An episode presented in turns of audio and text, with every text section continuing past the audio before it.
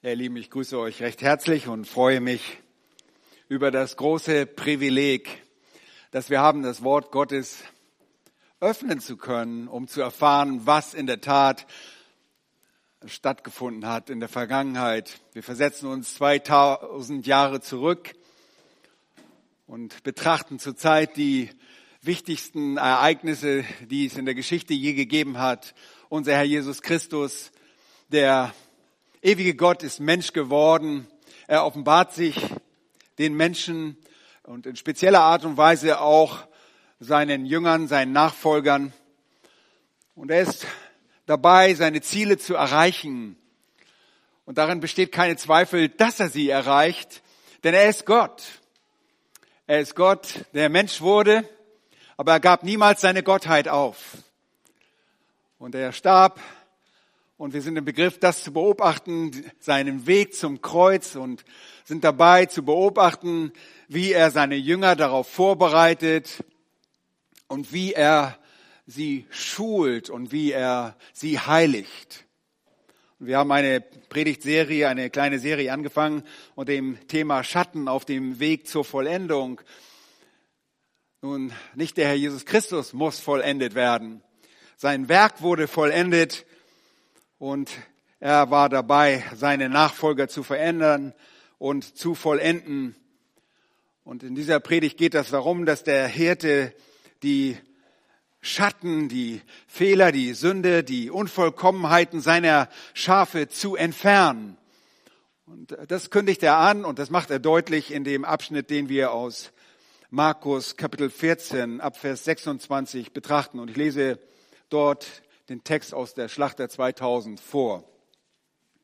Markus 14 Abvers 26.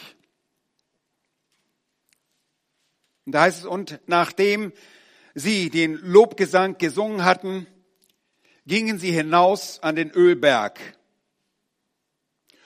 Und Jesus spricht zu ihnen, ihr werdet in dieser Nacht alle an mir Anstoß nehmen, denn es steht geschrieben, ich werde den Hirten schlagen und die Schafe werden sich zerstreuen aber nach meiner Auferweckung will ich euch nach Galiläa vorangehen. Gehen. Petrus aber sagte zu ihm, wenn auch alle an dir Anstoß nehmen, doch nicht ich. Und Jesus spricht zu ihm, wahrlich, ich sage dir, heute in dieser Nacht, ehe der Hahn zweimal kräht, wirst du mich dreimal verleugnen. Er aber sagte, desto mehr, wenn ich auch mit dir sterben müsste, werde ich dich nicht verleugnen. Gleiche sagten aber auch alle. Soweit der Text. Lass uns noch beten. Herr, wir erwarten, dass du durch deinen Text zu uns redest, dass du uns deinen Text aufschließt, den du für diesen Sonntagnachmittag bestimmt hast, dass wir ihn hören sollen. Danke, dass wir Kraft deines Geistes Dinge verstehen können. Wir bitten dich um die Erweisung deines Geistes, rede du, mach du uns deutlich, was für uns wichtig ist, was wir von dir lernen müssen und was wir über uns selbst erfahren müssen. Herr, wir danken dir, dass wir beobachten dürfen, was in der Geschichte geschehen ist, ohne dass wir Zweifel daran hegen müssen, ob diese Dinge tatsächlich geschehen sind. Es ist so, wie uns der Heilige Geist durch den Schreiber Johannes Markus es aufgezeichnet hat. Danke, dass wir dem vertrauen können. Dir sei die Ehre. Wir befehlen dir diesen Gottesdienst an, um deines Namens willen. Amen. In diesem Text geht es zunächst um eine sehr denkwürdige Nacht.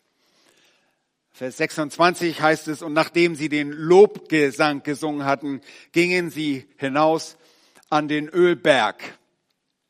Und wir haben uns beim letzten Mal damit beschäftigt, wie Jesus seine Jünger unterwies, wie er mit ihnen das letzte Passamal zusammen feierte, das letzte legitime Passamal und äh, diesem Mahl eine neue Bedeutung gab, indem er die Inhalte neu füllte, die Elemente nahm, ein Kelch nahm und sagte, dieser Kelch ist mein Blut und das Brot, das er nahm, sagte, wäre sein Leib.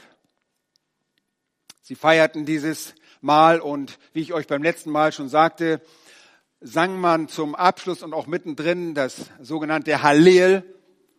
Und äh, möglicherweise war Psalm 136 dort die Verse, ich denke 10 bis 15, sprechen den Auszug aus Ägypten an.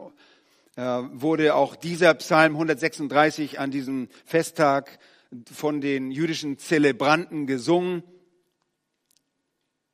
Und dieses Mal erinnerte, ihr wisst es, einst an die Aus, aus den Auszug aus Ägypten aber jetzt sollte es einen neuen, eine neue Bedeutung haben und es sollte künftig an den Tod unseres Herrn Jesus Christus erinnern.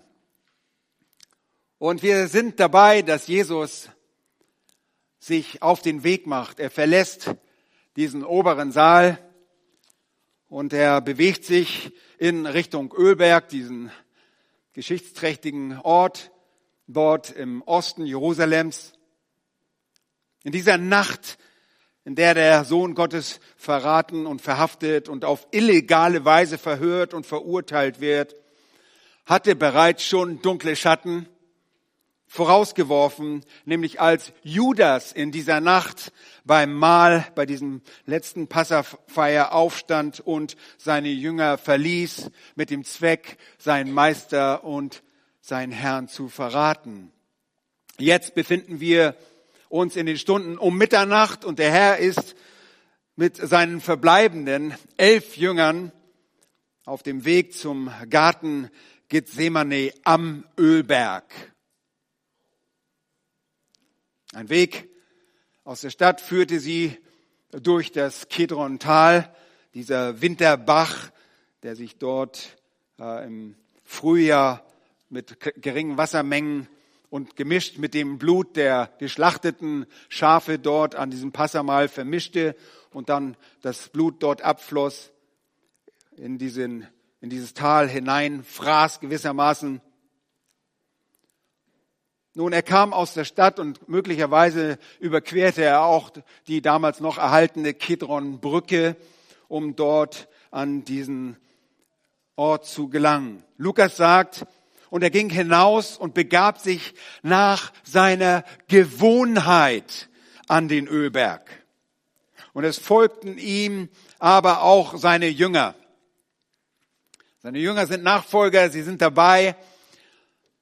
Das sagt Lukas, dass dieser Ort ein Ort war, den er nach seiner Gewohnheit besuchte und deshalb auch Judas wusste, wie er den Herrn verraten konnte. Und auch Johannes sagt in Johannes 18, Vers 2, dass aber auch Judas, der ihn verriet, kannte den Ort, denn Jesus sammelte sich dort, oft dort mit seinen Jüngern.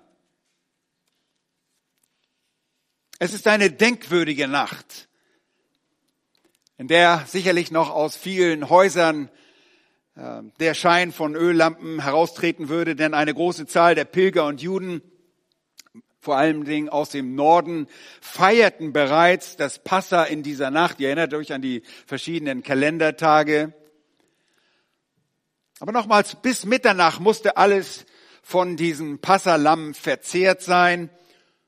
Und die Stimmung unter den Jüngern müsste an dieser Stelle wirklich eine Stimmung der Anspannung gewesen sein. Denn Judas, einer von ihnen war weggegangen, um ihn zu verraten. Aber was würde das bedeuten? Diese Frage quält sie sie möglicherweise. Was würde das bedeuten? Was würde Judas tun? Welche Fragen war, hatten sie wohl? Es waren sicherlich Fragen, die sie sehr angespannt sein ließen. Viele Fragen stellten sich den Weggefährten und Nachfolgern des Herrn. Und in die sich ihnen stellenden Fragen bricht Jesus an einer Stelle jetzt dieses Schweigen mit einer unverblümten Voraussage. Der Herr redet jetzt Tacheles mit ihnen, er spricht Klartext mit ihnen und völlig offen. Der zweite Punkt ist in meinem Text die direkte Voraussage des Hirten, die Verse 27 und 30. Und sie besteht aus zwei Teilen. Die direkte Voraussage des Hirten. Vers 27 und Vers 30, zunächst Vers 27. Und Jesus spricht zu ihnen. Ihr werdet in dieser Nacht alle an mir Anstoß nehmen, denn es steht geschrieben, ich werde den Hirten schlagen und die Schafe werden sich zerstreuen. Nun, diese Worte sind eine direkte Voraussage, die sich an alle Jünger, die noch beim Herrn sind, richtet. Seht einmal, ihr werdet in dieser Nacht alle an mir Anstoß nehmen. Und das Wort Anstoß ist im griechischen Text Skandalizo. Und wir leiten das Wort Skandal davon ab. Es bedeutet wörtlich zur Sünde veranlassen, jemanden zu, dazu bringen, seinen Glauben aufzugeben. Aber im Passiv, wie hier, kann es bedeuten, seinen Glauben aufzugeben, zur Sünde verführt zu werden, in Sünde fallen. Aber das ohne die Schuld des Meisters. Auch für uns kann das stehen. Wir können jemanden einen Anstoß sein und sind schuldig dafür. Aber in diesem Fall ist es der Meister nicht durch die Schuld, sondern die Furcht, die in den Jüngern entsteht und sie Scham, die sie verspüren, als ihr Meister gefangen genommen wird. Und die Jünger sollten genau das tun, in Sünde fallen und sich fürchten und deshalb auch den Namen des Herrn verleugnen. Sie sollten sich seiner schämen. Nein, das sollten sie nicht, aber sie taten es. Und das ist die direkte und die dunkle Voraussage des Herrn an dieser Stelle. Und zwar eine Voraussage, die sich sehr, sehr, sehr bald erfüllen sollte. Und schon mehrmals zuvor hatte Jesus seinen eigenen Tod angekündigt. Jetzt nun die Ankündigung darüber, dass sie Anstoß nehmen werden, so dass sie sich nicht nur schämen werden, sondern auch fliehen und sich zerstreuen würden. Also eine Sache, dass man sich schämt für eine Weile und aber hier geht es noch ein Stück weiter. Sie fürchten sich, sie fliehen, sie zerstreuen sich. Und in Vers 27 gibt Jesus für dieses Verhalten seiner Jünger auch gleich einen Grund an. Und er sagt, wir lesen dort, schaut mal nochmal in diesen Vers, denn es steht geschrieben. Das Verhalten der Jünger wird mit einem Schriftwort des Herrn begründet. Und das ist interessant, welche einsichtsreiche Schriftstelle Jesus hier aus dem Tanach anführt, aus dem jüdischen Alten Testament, aus unserem Alten Testament. Da heißt es, ich werde den Hirten schlagen und die Schafe werden sich zerstreuen. Hm. Das ist ein Wort aus dem Buch Sacharja, aus dem 13. Kapitel und ein Auszug aus dem Vers 7 wo der komplette Vers lautet, Schwert, erwache gegen meinen Hirten, gegen den Mann, der mein Gefährte ist, spricht Jahwe Zebaoth. Schlage den Hirten und die Schafe werden sich zerstreuen und ich will meine Hand den Geringen zuwenden.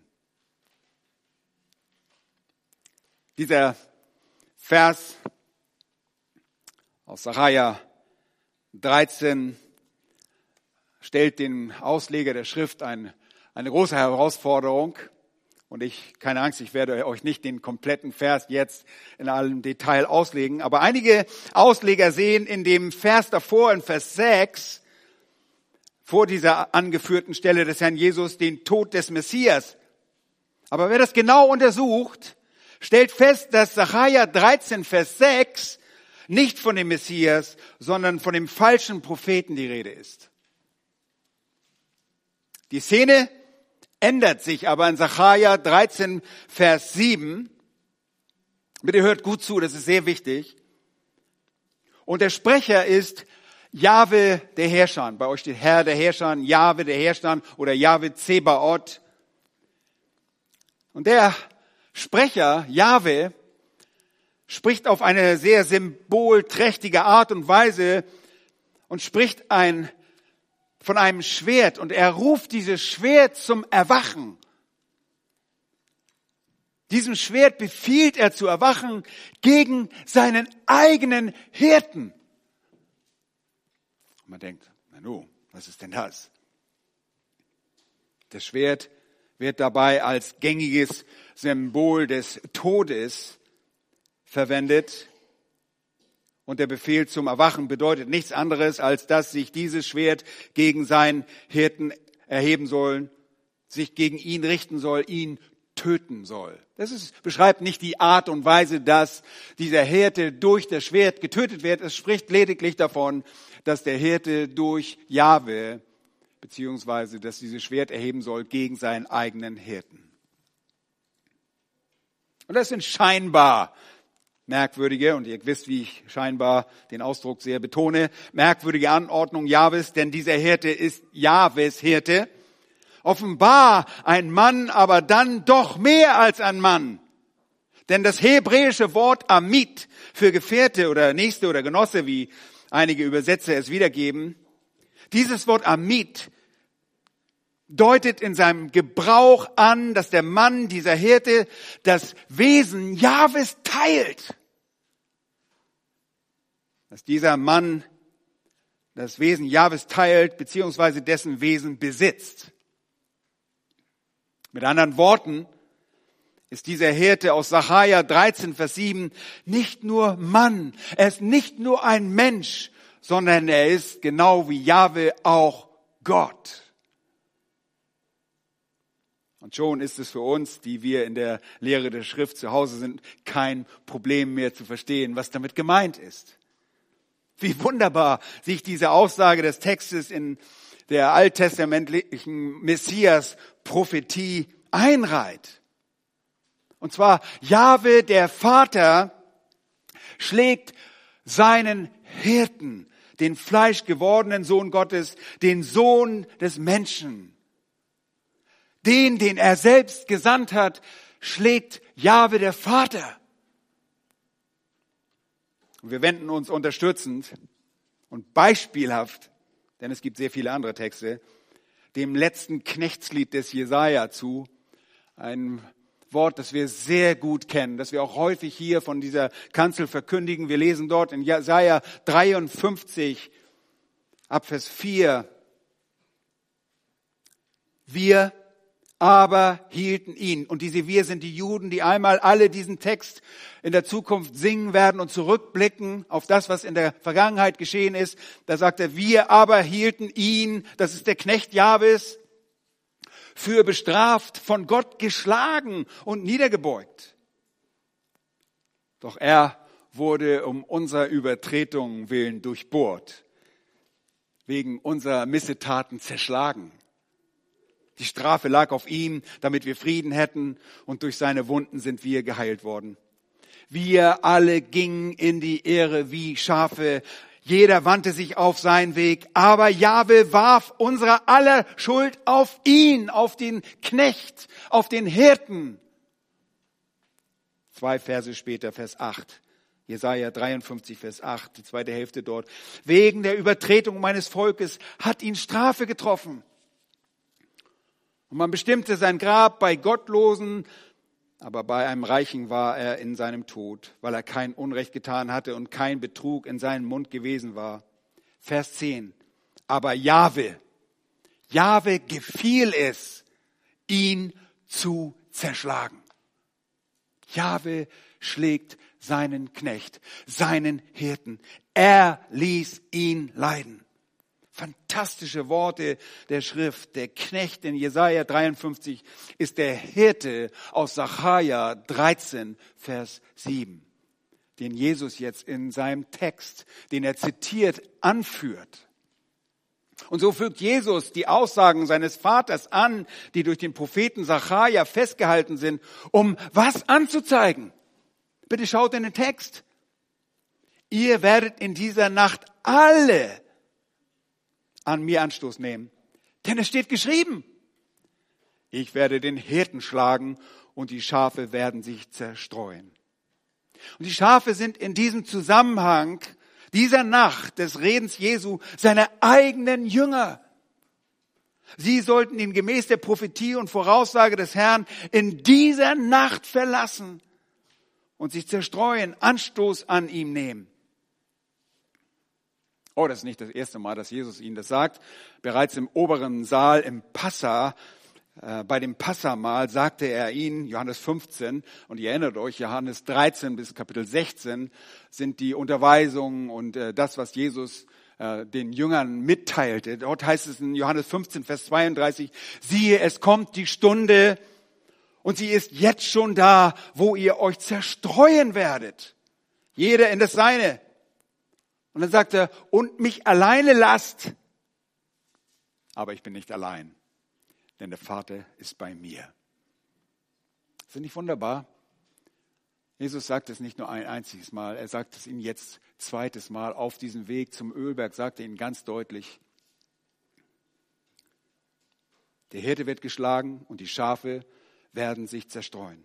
Seht ihr, die Zerstreuung ist in nur wenigen Minuten oder höchstens Stunden entfernt und die Nacht schreitet voran und das Schwert Jahwes des Oberbefehlshabers der Heere, das bedeutet nämlich Zebaoth, Jahwe Zebaoth, Jahwe der Herrscher, bedeutet, dass Jahwe der Oberbefehlshaber aller Heere ist, ob das himmlische oder irdische Heere sind. Er hat sie alle im Begriff oder alle unter Kontrolle und befehligt alle, befehligt alle. Der Tod des Herrn ist vielleicht 13 bis 15 Stunden entfernt, seine Kreuzigung sogar nur noch sechs Stunden weniger. Und in Erfüllung dieser Prophetien, der Voraussage, werden die Jünger fliehen. Sie werden sich zerstreuen. Und auf die Voraussage über den Hirten und der Zerstreuung seiner Schafe in Vers 27 folgt eine zweite, eine sehr spezifische Voraussage von dem Hirten über ein uns namentlich bekanntes Schaf. Schaut in den Text. Und dieses Schaf hatte schon auf das reagiert, was Jesus sagte. Ihr wisst, das ist Petrus. Und wir lesen Vers 13, 30. Und Jesus spricht zu ihm, wahrlich, ich sage dir, heute in dieser Nacht, ehe der Hahn zweimal kräht, wirst du mich dreimal verleugnen. Und Jesus bekräftigt seine Worte in diesem Vers mit einem wahrlich. Ja, das ist nicht, weil ihm irgendwie nichts Besseres einfiel, äh, irgendwie so ein Lückenfüller, wahrlich, wahrlich, sondern das, dieses wahrlich ist eine Bekräftigung der Aussage. Es wird tatsächlich so sein, wie ich es jetzt ankündige, sagt Jesus. Wenn ihr diese spezifischen Worte der Verleugnung durch Petrus lest und jetzt auch hört, dann müsst ihr dabei verstehen, dass an dieser Stelle, hier in diesem Moment, diese Voraussage auch nicht das die erste Mal diese Voraussage gegeben wird. Auch Petrus wurde vorher, ihm wurde vorher schon gesagt, was er tun würde.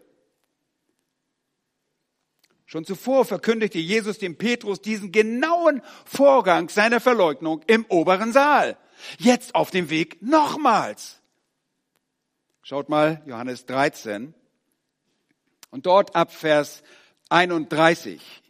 Ich gebe euch ein bisschen Kontext mit, damit ihr versteht, dass ähm, ja, diese Worte könnten ja jetzt untergehen. Die sind da im Dunkel der Nacht, die gehen zum, zum Ölberg und Jesus erwähnt das hier nebenbei und das könnt ihr ja vielleicht nicht hören, obwohl äh, das war schon sehr deutlich auch an der Reaktion des Petrus sieht man, dass er das sehr wohl verstanden hat. Aber dort Johannes 13 ab Vers 31 in diesem oberen Saal, als Jesus sich ähm, bei den Jüngern quasi verabschiedet und sie vorbereitet auf seinen Weggang, heißt es dort ab Vers 31, als er, Judas, nun hinausgegangen war, sprach Jesus, jetzt ist der Sohn des Menschen verherrlicht und Gott ist verherrlicht durch ihn. Wenn Gott verherrlicht ist durch ihn, so wird Gott auch ihn verherrlichen durch sich selbst und er wird ihn sogleich verherrlichen. Kinder, sagt er Vers 33, nur noch eine kleine Weile bin ich bei euch. Ihr werdet mich suchen. Und wie ich zu den Juden sagte, Wohin ich gehe, dorthin könnt ihr nicht kommen. So sage ich es jetzt auch zu euch. Was sagt er zu den Jüngern? Er sagt, wohin ich jetzt gehe, dorthin könnt ihr nicht kommen. Und während Jesus dann äh, schon weitergeht und das Gebot der nächsten Liebe, des, äh, der Liebe ausspricht mit einem neuen Maßstab, einer neuen Qualität, weil er der Maßstab ist, und wir lesen das in Vers 34, bleibt Petrus an diesen Versen, wohin Jesus gehen würde und er nicht folgen könnte, bleibt er hängen. Scheint so, als wenn er überhaupt nicht hört, was jetzt über Liebe gesagt wird. Also Vers 34 heißt es, ein Neugebot gebe ich euch, dass ihr einander lieben sollt, damit, wie ich euch geliebt habe, das ist die neue Qualität, auch ihr einander liebt. Daran wird jedermann erkennen, dass ihr meine Jünger seid, wenn ihr Liebe untereinander habt. Oh, Petrus hätte jetzt sagen können, oder die Jünger hätten jetzt sofort antworten können, ja, ja, ja, Herr, wir werden einander lieben. Aber schaut mal, was passiert.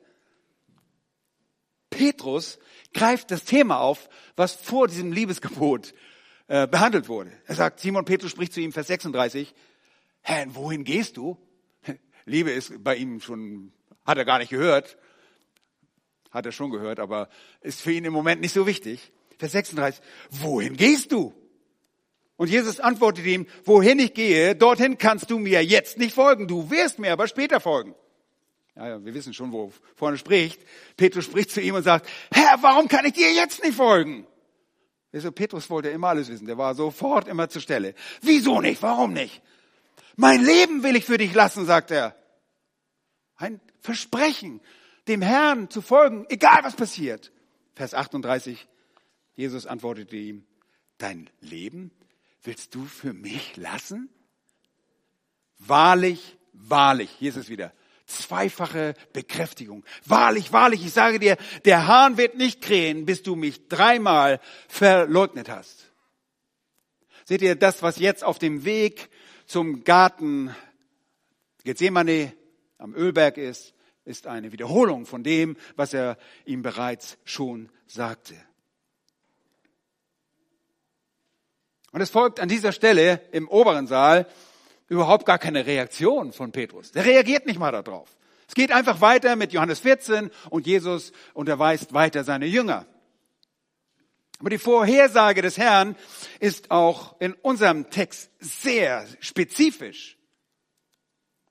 Da heißt es, heute in dieser Nacht, wow, die Nacht ist nicht mehr so lang, sie ist schon nach Mitternacht, heute in dieser Nacht ehe der Hahn zweimal kräht, wirst du mich dreimal verleugnen. Und wir erinnern uns, dass diese Ereignisse sich schon in den frühen Morgenstunden, äh, dass diese dort sich abspielen. Denn was äh, ist der zeitausgebende Zeitfaktor? Das Lamm musste gegessen werden bis Mitternacht. Und nachdem sie gesungen hatten, machten sie sich auf den Weg. Und die Juden teilten die Nacht in vier Abschnitte ein. Von 18 Uhr abends vom Sonnenuntergang bis morgen äh, 6 Uhr war die Nacht. Und die ersten Stunden hießen dabei einfach nur Abend. Von 6 Uhr abends bis 9 Uhr bis 21 Uhr, das war der Abend. Dann 21 bis 0 Uhr, das war Mitternacht. Und der Abschnitt von Mitternacht, also von diesem Zeitpunkt, wo Jesus wahrscheinlich in, so irgendwo in diesem Dreh auch äh, die Stadt verließ, um an den Berg zu gehen, von Mitternacht bis drei Uhr nannte man den Hahnenschrei. Aus offenkundigen Gründen. Wir wissen, was so ein Hahn alles machen kann. Ich bin auch mal eines Nachts aufgeweckt, weil sich jemand beschwert hat, hier, weil in der Nacht ein Hahn gekräht hat, hier nebenan, als da noch Hühner, ich weiß nicht, sind da immer noch Hühner? Keine Ahnung, aber wir hatten hier hinten Hühner, so einen Hühnerstall. Und da kriegte ich eines Nachts mal um 2.30 Uhr einen Anruf, ich drehe dem noch einmal den Hals ab. Und ich wusste gar nicht, was los ist. Ich dachte, die wollte mir den Hals abdrehen. Aber äh, diese Zeit von Mitternacht bis drei Uhr ist der Hahnenschrei. Und dann die Zeit von drei Uhr bis sechs Uhr war einfach nur der Morgen. Und das heißt in Hinsicht auf unseren Text, Petrus, vor drei Uhr morgens wirst du mich dreimal verleugnet haben. Das ist eine Zeitangabe. Ja, das ist nicht irgendwie so ein magisches Ding, das Jesus da einbaut und lässt da mal irgendwie so ein Gockel krähen, sondern das ist eine Zeitangabe. Bevor der Hahn zweimal kräht, wirst du mich dreimal verleugnen. Natürlich sind die Hähne keine Schweizer Präzision, Präzisionsuhren, aber in dieser zeitlichen Gegend um drei Uhr herum am Morgen sollte Jesus den Herrn bereits dreimal verleugnet haben. Und genau das tat er auch. Wir kennen den Rest der Geschichte und wir werden im Markus Evangelium noch speziell dazu kommen. Aber das war die direkte Voraussage, eine direkte Voraussage aus zwei Teilen bestehend, die Jesus in dieser Nacht machte. Und wir sehen darauf und beobachten dann drittens die düstere Reaktion der Schafe. Die düstere, zu einem Schatten gehört irgendwie ein bisschen Dunkelheit und Düsterheit. Und ich habe die, diese Predigt ja auch benannt. Der Hirte entfernt die Schatten seiner Schafe. Schatten sind nichts Schönes in einem Leben. Wenn man äh, das auf etwas bezieht, ist es negativ auslegt. Ich habe euch beim letzten Mal gesagt, in der, in der Radiologie, wenn man röntgt, ja, zum Beispiel eine Lunge, dann kann man einen Schatten finden und das, den möchte man weghaben. Und so ist dieser Schatten in der Nachfolge unangemessen. Furcht und Scham vor, für den Herrn ist unangemessen. Und diesen Schatten entfernte Herr. Aber hier sehen wir jetzt diesen düsteren Schatten, diese düstere Reaktion ist einer dieser, ist so ein Schatten. Verse 29 und 31. Und als erstes beobachten wir dabei, wie Petrus auf die Prophetie der Schrift reagiert, die Jesus unterwegs anführt und auslegt für ihn. Stell dir vor, Jesus nimmt etwas aus der Schrift und er legt das jetzt aus. Und äh, Petrus sagt, oh, sehr schön, ah, wunderbar hast du das ausgelegt, das stimmt alles. Nein, guck mal genau hin. Wir sehen, dass Petrus sich über die Auslegung Jesu, der Textstelle aus Sacharja 13, Vers 7, total echauffiert, also völlig erhebt darüber. Und er sagte, Petrus aber sagte zu ihm, wenn auch alle an die Anstoß nehmen werden, doch nicht ich. Könnt ihr das sehen? Ist mir egal, was du da anführst für eine Schriftstelle. Nicht ich. Ihr Lieben, selbst nach wiederholter und spezifischer Vorhersage verharrt Petrus in dieser düsteren Anmaßung und Selbstüberheblichkeit. Und er kommt nicht auf die Idee zu denken, oh Herr, du hast schon so viel vorausgesagt und das stimmt bisher alles. Sicherlich wird auch meine Verleugnung stimmen. Oh Mann, was kann ich nur tun? Alle seine Worte haben sich erfüllt. Ich sollte mal nochmal nachfragen, wie das sein wird jetzt, wie, ich den, wie kann ich dieses, dieses Dilemma vermeiden? Oh nein, nein, nein, nicht Petrus. Stattdessen erweist sich Petrus als jemand, der in einer arroganten Selbstsicherheit verhaftet ist. Und er zeigt damit, dass er nicht nur etwas Besseres sein würde als der Rest der Jünger. Weil er sagt ja im Prinzip, ja, wenn die anderen anstoßen, ja, die ja, aber ich nicht. Aber er sagt noch mehr als das.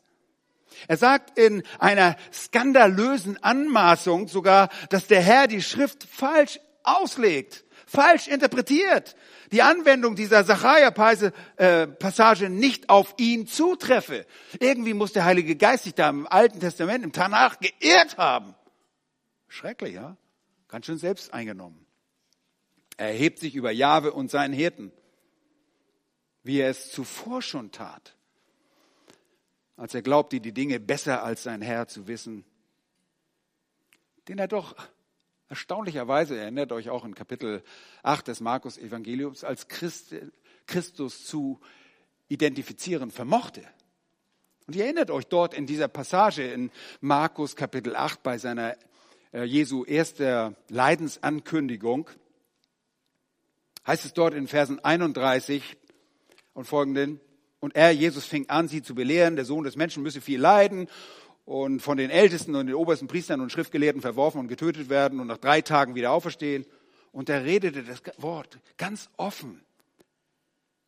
Da nahm Petrus ihn beiseite und fing ihm an zu wehren. Was bildest du dir überhaupt ein, so ungefähr, ja? Und er wandte sich um und er sah seine Jünger an und ermahnte Petrus. Wisst ihr, was, was Petrus da sagt? Matthäus hilft uns ein bisschen weiter, wenn wir Matthäus 16 anschauen. Herr, schone dich selbst. Das widerfahre dir nur nicht. Oh, Petrus wusste besser als der Herr. Sterben? Oh nein, das war nicht im Petrus Plan, aber Vers 33 in Kapitel 8 sagte er dann zu Petrus ernstlich, weiche von mir, Satan. Denn du denkst nicht göttlich, sondern menschlich.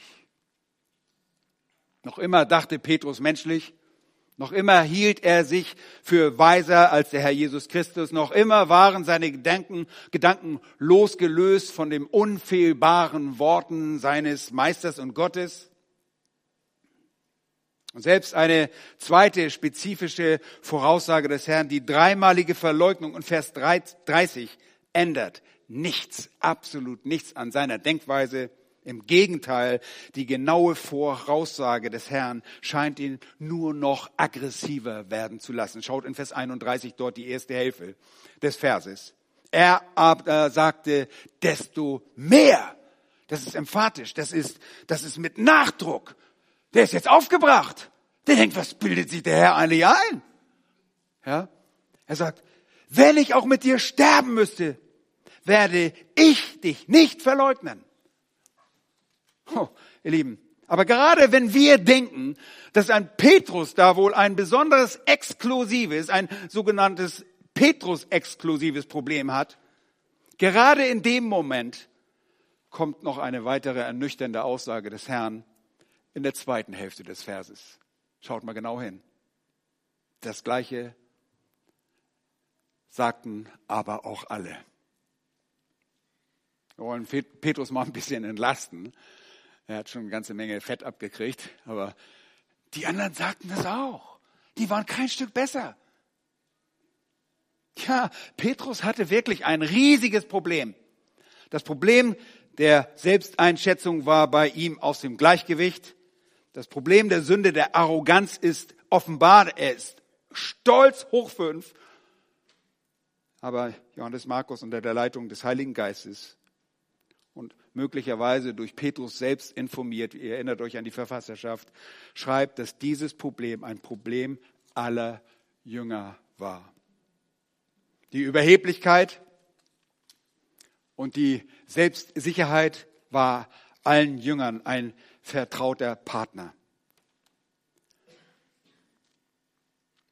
Lieben, die Arroganz der Fehleinschätzung ist selbst uns allen wohl bekannt.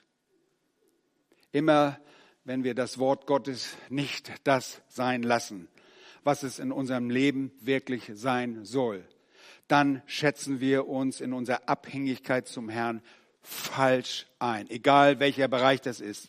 Ob das in unserer Ehe ist und wir sagen, oh, eine Ehe brauche ich nicht führen, warum soll ich eine Ehe führen? Eine Partnerschaft reicht doch auch, wenn wir wieder auseinandergehen, haben wir nicht so viele Probleme ob das in der Erziehung ist. Leute sagen mir, oh, was Gott sagt über Erziehung, was wir dazu verwenden sollen, wie wir vorgehen sollen. Das interessiert mich nicht. Ich weiß es doch viel besser. Vergiss es, wie wir erziehen sollen. Ich mache das auf meine Art und Weise. Ob das in der Gemeinde ist. Ob Leute sagen, ja, ich bleib zu Hause. Ich kann das doch am Fernsehgerät alles verfolgen. Was, ist doch viel besser. Meine Güte, ist doch für bequem. Ich brauche doch nicht mal aufstehen. Ich kann ja gleich wieder zu Bett gehen. Leute, wir sollen in die Gemeinde kommen. Gott hat gesagt, wir sollen uns hier versammeln, damit wir einander ermutigen können. Aber nein, ich weiß das viel besser. Ha, ich habe einen Doktortitel. Ja, also das ist wirklich so, diese Selbstüberheblichkeit. Und ich rede nicht nur von euch und von anderen, ich rede auch von mir. Ich weiß das selber in meinem Leben. Wie oft habe ich schon Warnung des Wortes Gottes einfach so ignoriert und renne ins offene Messer und sündige gegen den Herrn weil ich das nicht ernst nehme. Wir sind selbstgenügsam. Und das macht uns für jegliche Handlung, zu jeglicher sündigen Handlung anfällig. Und das bringt uns auch häufig zu Fall. Und wir fürchten uns und wir schämen uns des Herrn. Oh, oh ja, wir können alle Römer 1. Ich schäme mich des Evangeliums nicht. Ich bin ein Mutiger. Ich, ich sage euch was. Wenn ihr euch noch nie des Evangeliums geschämt habt, dann seid ihr außerirdisch. Jeder Christ der das Evangelium verstanden hat, hat sich schon des Evangeliums geschämt. Warum? Weil ihr wisst, dass die Verkündigung des Evangeliums immer Konfrontation bringt. Du musst jemand sagen, du bist ein Sünder, du musst Buße tun. Oh, du kannst sagen, ja, ich glaube an Gott, heile, heile Gänschen, dann, da, da brauchst du dich nicht schämen. Das kannst du deiner Oma erzählen und das kannst du allen deinen, deinen ganzen Kaffeeclub erzählen. Da braucht man sich nicht schämen. Aber wenn du jemandem das Evangelium sagst, dann weißt du oft, oh, was, wie wird der jetzt reagieren? Oh, der wird mich ablehnen, der wird, der wird, der, der wird spotten. Kennt ihr solche Gedanken? Ich glaube, ihr kennt diese Gedanken.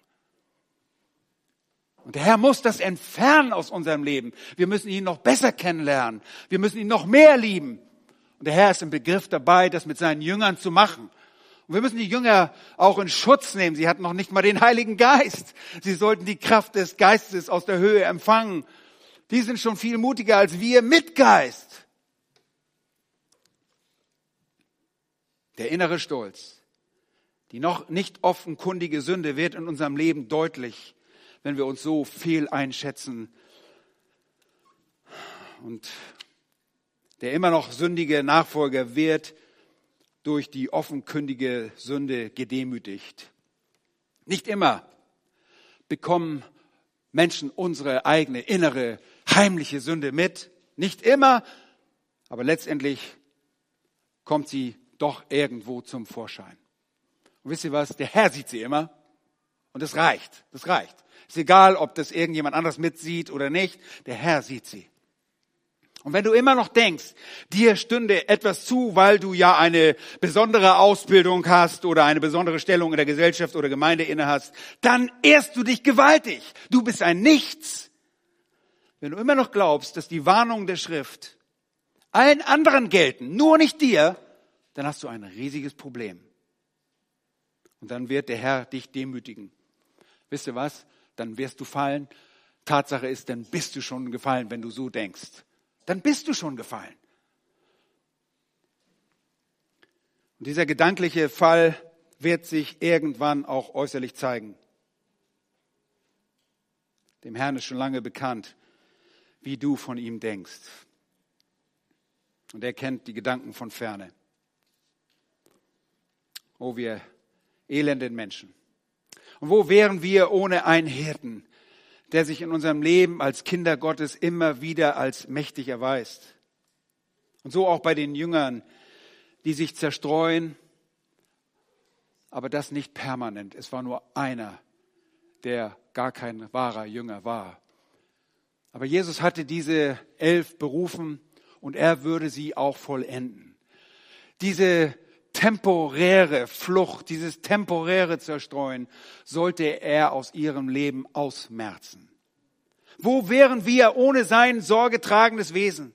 Und der letzte Punkt in diesem Text ist und zeigt uns die dauerhafte Treue des Hirten. Die dauerhafte Treue des Hirten. Und vielleicht fragst du dich jetzt, wo in aller Welt siehst du denn das? Dann schaut mal bitte nochmals in den Text, Vers 27 und 28 geben eine präzise Zusammenfassung der umfassenden Treue des Herrn wieder. Und da heißt es, Jesus spricht zu ihnen, ihr werdet in dieser Nacht alle an mir Anstoß nehmen, denn es steht geschrieben, ich werde den Hirten schlagen und die Schafe werden sich zerstreuen. Aber nach meiner Auferweckung will ich euch noch nach Galiläa vorangehen. Ihr Lieben, seine Treue zeigt sich in dem, dass er sich bereitwillig schlagen lässt. Er lässt sich bereitwillig schlagen. Der ist nicht auf der Flucht. Der Jesus sagt nicht, oh, okay, ihr macht genau das Richtige, komm mit, lass uns abhauen. Oh nein. Im Gegenteil. Jesus beweist allen Mut. Alle seine Nachfolger verschwinden, aber er geht weiter treu den Weg, der für ihn vorgezeichnet ist. Und er zeigt sich, er zeigt sogar die Treue Jahwes des Vaters, der seinen Sohn sendet, um ihn an unserer Stelle zu schlagen. Sagt das nicht der Text? Ich werde den Hirten schlagen. Warum will er den Hirten schlagen? Das macht keinen Sinn. Warum schlägt ein Vater seinen Sohn? Und dazu noch einen perfekten Sohn, einen heiligen Sohn. Der Hirte geht den Weg zum Kreuz. Und er verfolgt damit die Absicht, für die Strafe seiner Schafe stellvertretend zu leiden und zu sterben. Das ist Treue. Oh, das war nicht einfach. Und wir kommen beim nächsten Mal zu dem Kampf Jesu im Garten Gethsemane und wir werden das im Detail betrachten, was es bedeutete für den Herrn. Das war kein Spaziergang für den Herrn. Ach, wir gehen einfach mal zum Kreuz, lassen uns ein bisschen von den Nägeln kitzeln. Nein. Lieben, der Zorn Gottes des Vaters trifft den Sohn am Kreuz. Und in dem Prozess zerstreuen sich seine Schafe. Ja, aber das ist eine temporäre Zerstreuung und er wird die die er sich zum Eigentum erwählt hat, schnell wieder zusammenbringen. Wo sehen wir das? Lest mal weiter. Seine Treue ist sichtbar in den Worten, nach meiner Auferweckung. Nach meiner Auferweckung will ich euch nach Galiläa vorangehen. Ho! Was, was ist das denn? Ein Hirte geht voran. Und er wird sterben. Ja, er wird sterben, aber er wird auferweckt. Er wird wieder ins Leben zurückkommen. Und dann wird er den Schafen vorangehen. Ich werde euch nach Galiläa vorangehen. Das, oh, das war Musik, das war ihre Heimat. Ein Hirte geht voran, er zeigt den Weg und das wird er trotz der temporären Zerstreuung seiner Schafe wieder tun. Und der Schafe verwirft nicht nur untreu gewordene Nachfolger, er verwirft nur den dauerhaft untreuen Heuchler. Und das war Judas. Und alle anderen, alle die Scharlatane ist, die werden permanent verworfen. Alle anderen, dem Herrn sei Dank, bleibt er treu, selbst wenn wir untreu sind, sagt die Schrift. Und wir sind es nur temporär, denn wir erkennen unsere Schuld und unsere Sünde. Das ist ein Kennzeichen eines Christen, dass er erkennt, oh, ich habe wieder was Falsches gemacht, ich habe wieder gesündigt gegen meinen Gott. Und wir gehen auf die Knie und wir bitten um Vergebung. Und wir sagen, oh, das kann mich nicht treffen. Ich stehe über diesen Ding. Oh, wir sind manchmal so arrogant, dass wir das denken. Und dann müssen wir ordentlich auf die Nase fallen Wir müssen gedemütigt werden. Wie der Psalmist, der gesagt hatte, bevor ich gedemütigt wurde, ehrte ich. Wir müssen das erfahren. Er bleibt treu. Und selbst wenn der erkaufte Sünder temporär ausschert, bleibt er treu. Er bleibt treu, wenn das Kind Gottes sündigt, denn er wäscht die Sünde ab und gewährt den Heiligen väterliche Vergebung. Immer wieder dürfen wir zu ihm kommen. Das tat der Herr Jesus in dem Mikrobereich mit seinen elf Jüngern hier und das wird der Herr Jesus auch eines Tages tun mit dem ganzen Volk Israel, das zerstreut ist in dieser Welt. Er wird sie zusammenbringen und er wird sie zum Glauben bringen. Und der Hirte entfernt nicht nur die Schafe aus seiner Nachfolge, sondern die Schatten seiner geliebten Schafe. Er entfernt nicht die Schafe aus seiner Nachfolge, sondern die Schatten seiner geliebten Schafe. Und achtet mal darauf, er sagt dort, äh, ich will euch nach Galiläa vorangehen. Und diesen Treffpunkt hatte Jesus schon zuvor mit den Jüngern vereinbart. Und dann lesen wir in Johannes 21, berichtet uns von einem dritten Treffen äh, nach der Auferweckung Jesu mit seinen Jüngern, dort in Galiläa. Johannes 21, Vers 14 heißt es, danach offenbarte sich Jesus den Jüngern wiederum am See Tiberias. Und See Tiberias ist der See Galiläa. Da gibt es verschiedene Namen für diesen See. Aber der See Galiläa ist die Gegend Galiläas. Und er offenbarte sich aber so. Es waren beisammen Simon Petrus, Thomas, den einige von uns schon lange abgeschrieben haben, das war ja ein Zweifler, aber er ist noch da, schaut mal. Thomas ist noch da. Nathanael von Kana in Galiläa und die Söhne Zebedeus und zwei andere von seinen Jüngern. Das macht genau sieben Jünger sind da. Sieben der Jünger sind dort. Petrus, Thomas, Nathanael, Jakobus und Johannes, das sind die Söhne des Zebedeus und zwei nicht namentlich genannte Jünger. Macht sieben. Später gesellen sich die übrigen vier Jünger noch dazu. Schlacht bitte mal einmal auf in Matthäus 28, dort Vers 16. Matthäus 28 und Vers 16 und 17.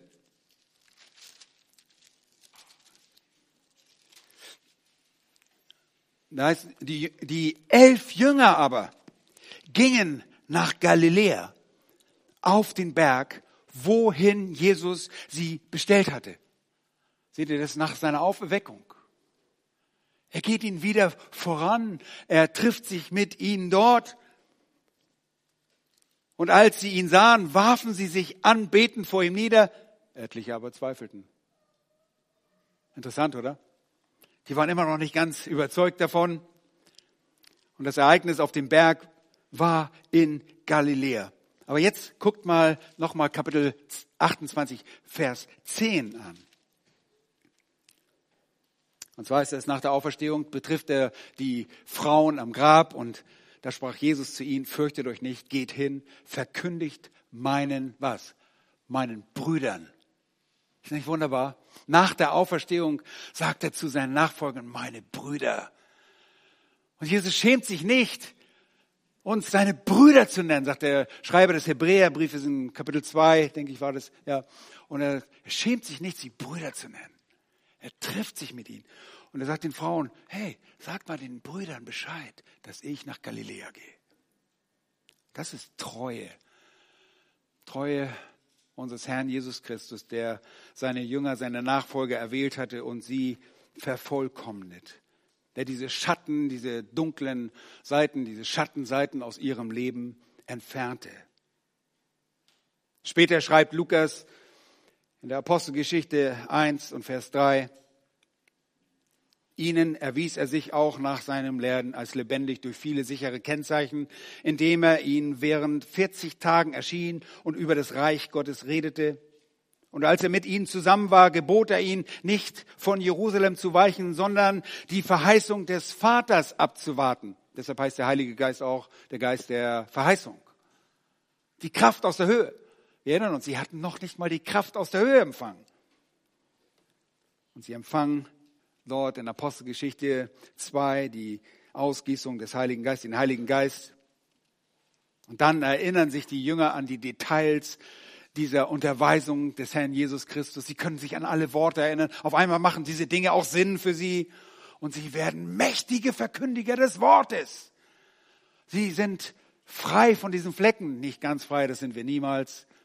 Trotz des Heiligen Geistes sind sie immer noch in der Lage zu sündigen, aber sie sind andere Menschen die sich nicht mehr schämen, die mutig sind, die sogar für den Herrn sterben. Und es dauert nicht lange, dass Jakobus für den Namen des Herrn stirbt und er wird durch ein, tatsächlich durch das Schwert getötet. Apostelgeschichte 12. Oh ihr Lieben, unser Herr ist so treu. Er wählt sich Kinder und er bringt sie zum Ziel. Und wenn du ein Kind Gottes bist, dann bringt er dich zum Ziel. Und du magst manches Mal stolpern, aber er wird dir auch helfen, aufzustehen umzukehren, neu auszurichten auf sein Wort. Glaubt seinem Wort, dann seid ihr niemals verloren. Und wenn du noch kein Kind Gottes bist, wenn du vielleicht ein Scharlatan bist oder ein Heuchler bist, dann ist es jetzt Zeit, umzukehren, sich an den lebendigen Gott zu wenden und sagen, Herr, erbarme dich meiner. Wisst ihr was? Der Herr ist so treu, er wird niemanden ausstoßen. Er hat gesagt, nee, nee, du hast schon 25 Mal in derselben Sünde gesündigt du hast schon dies und dies getan, dich brauche ich nicht. Nein, er wird niemanden ausstoßen. Wenn du dich vor Gott demütigst, deine Sünde bekennst, dann ist er treu und gerecht und wird dich reinigen, wird dir alle deine Übertretung vergeben. Das ist das wunderbare Evangelium. Und deshalb hat Jahwe seinen Sohn, den Hirten, geschlagen an unserer Stelle. Nicht uns traf die Strafe, sondern seinen Sohn. Deshalb feiern wir das Kreuz. Deshalb feiern wir das Mahl des Herrn, so wie wir gelernt haben. Wir erinnern uns nicht mehr an den Auszug der Knechtschaft aus Ägypten, sondern wir erinnern uns aus der, von der, an die Befreiung der Knechtschaft unserer Sünde, der Sklaverei, der elende Sklaverei unserer Sünde.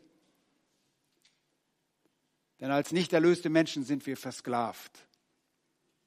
Wir denken immer, die armen Christen, oh, die dürfen das und jenes nicht. Ha, wir müssen das nicht. Ich erinnere mich noch als junger Mann. Ich kam auf die Arbeitsstelle, meine Kollegen waren morgens, hatten einen dicken Kopf, am Wochenende gesoffen und, und dann haben gesagt, oh Borchmann, du darfst das nicht. Ich sage, ich brauche nicht. Danke. Ich brauche nicht mit Kopfschmerzen schon die Woche anfangen. Die waren immer froh, wenn die Woche vorüber war. Aber die fing schon die Woche so katastrophal an, weil sie so gesoffen hatten am Wochenende. Ich sage, das brauche ich nicht. Hey, darfst du das denn überhaupt nicht? Ich sage, ich will das nicht. Ich brauche das doch gar nicht, um glücklich zu sein. Ich lebe für meinen Herrn. Und ihr Lieben, das ist die Gnade, die Treue, die Gott uns erweist. Dass er uns die, durch die Wahrheit frei macht. Macht uns frei. Die Lüge des Satans versklavt uns. Und deshalb wollen wir ihn bitten, dass er uns anspricht, uns neu motiviert, für ihn zu leben. Lass mich noch beten und dann feiern wir das Mahl des Herrn, wie er das gesagt hat. Herr, wir danken dir von ganzem Herzen, dass du ein der gute Hirte bist. So stellt uns dein Wort dich vor. Du bist ein Hirte, der seine Schafe wohl kennt, der alle Menschen kennt, aber uns in einer besonderen Art und Weise. Herr, und wir hören auf deine Stimme. Wir richten uns auf dein Wort aus. Wir wollen nichts anderes hören. Wir wollen nicht auf die Lügen des Feindes hören, sondern wir wollen auf deine Stimme hören, auf dein Wort. Herr, und vergib uns unsere Selbstüberheblichkeit, unsere Arroganz, unseren Stolz. Oh, wir können uns so mit Petrus identifizieren und denken, tja, andere mögen wohl fallen. Wir stehen über diesen Dingen. Danke für manche Demütigen in unserem Leben. Danke aber auch für die Kraft deines Geistes, dass wir in der Lage sind, dir nachzufolgen. Ein Leben zu führen, das heilig und ohne Tadel ist. Wir bitten dich darum, dass wir dir immer ähnlicher werden. Danke, dass wir dennoch immer wieder zu dir kommen können, weil dein Kreuz ist tot, dein Blut, das du vergossen hast, für alle Schuld und alle Sünde gilt. Wir lieben dich. Herr, und ich bete, dass du durch deinen Geist mächtig wirkst in den Herzen derer, die dich nicht, noch nicht kennen. O Herr, bitte zeig du die Sünde auf und führe du zur Buße, zur Umkehr, zum Umdenken in deine Nachfolge hinein. Und zeig du da auf, wo es nötig ist, was erforderlich ist dazu, um dir nachzufolgen. Herr, es ist kein, kein großes Mysterium, keine große akademische Leistung, um das zu verstehen aber es fordert unser ganzes Herz. Und das wollen wir dir auch als Kinder Gottes immer wieder neu geben. Und möge das auch geschehen bei Menschen, die dich nicht kennen, dass sie sich dazu entschließen, dir zu folgen, weil du allein derjenige bist, der uns treu vorausgeht. Wir loben dich und preisen dich in Jesu Namen. Amen.